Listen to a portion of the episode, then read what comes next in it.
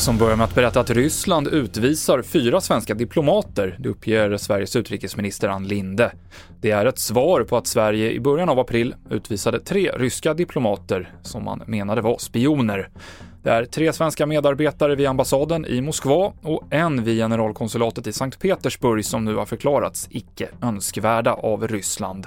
Vi hör vår utrikeskommentator Lisa Grenfors. Det här ligger ju inom ramen för diplomatisk verksamhet kan man nästan säga när det gäller utvisningar. Man brukar ju då eh, svara med att skicka ut ett antal diplomater. Oftast brukar det vara samma antal som man svarar med. Så här har ju då Ryssland alltså eh, utvisat en fler än vad Sverige gjorde i början på april.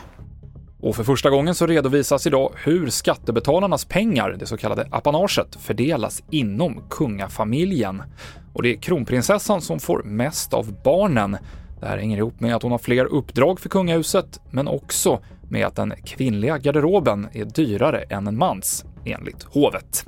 Mer om det här på TV4.se. I studion Mikael Klintevall.